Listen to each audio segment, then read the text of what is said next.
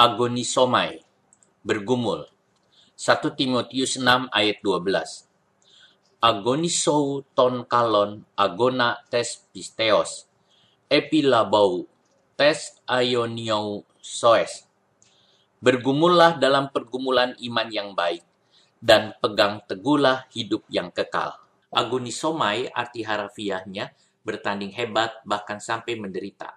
Misalnya, pergumulan atlet atau gladiator untuk memenangkan suatu pertandingan.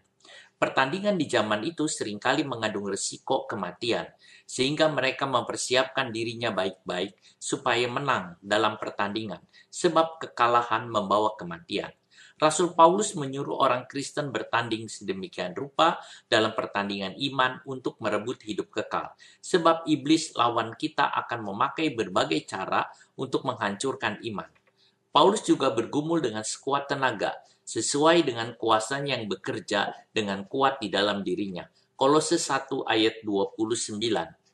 Paulus juga memakai kata agonisomai untuk menjelaskan bagaimana Epafras selalu bergumul dalam doa bagi jemaat di Kolose, Kolose 4 ayat 12. Ini artinya Epafras bergumul sampai menderita, bahkan selalu ia berdoa sedemikian rupa supaya jemaat berdiri teguh dalam Tuhan. Bagi Epafras, berdoa adalah bergumul sampai menang.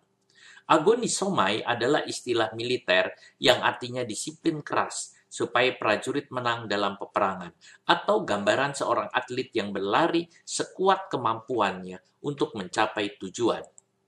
Rasul Paulus mengatakan dalam 2 Timotius 4 ayat 7, ton agona, ton kalon, egonismai. Aku telah bergumul dalam pergumulan yang baik.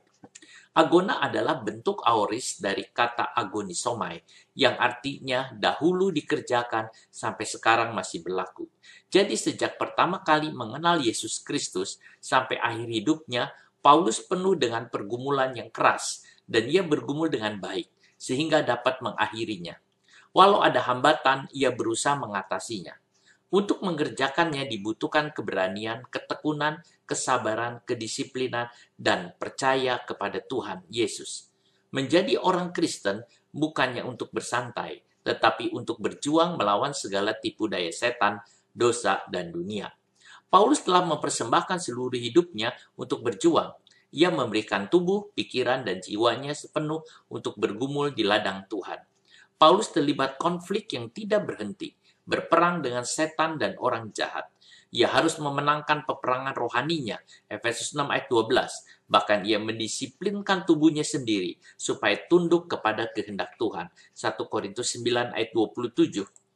Sunagodisomai berasal dari dua kata, sun bersama dan agonisomai berjuang, sehingga artinya berjuang bersama atau bergumul bersama. Paulus mengajak umat untuk bergumul bersama-sama dalam kelompok doa, bahu-membahu dalam pertempuran iman dengan tujuan yang sama. Roma 15 ayat 30. Ini adalah pertemuan doa yang kuat, doa peperangan yang tidak mengenal lelah.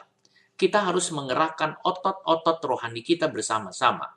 Doa kita tidak boleh menjadi pengalaman biasa yang tidak memiliki hati atau kesungguhan kita harus menaruh semangat dalam doa kita sebanyak yang dilakukan oleh para pegulat dalam pergumulannya.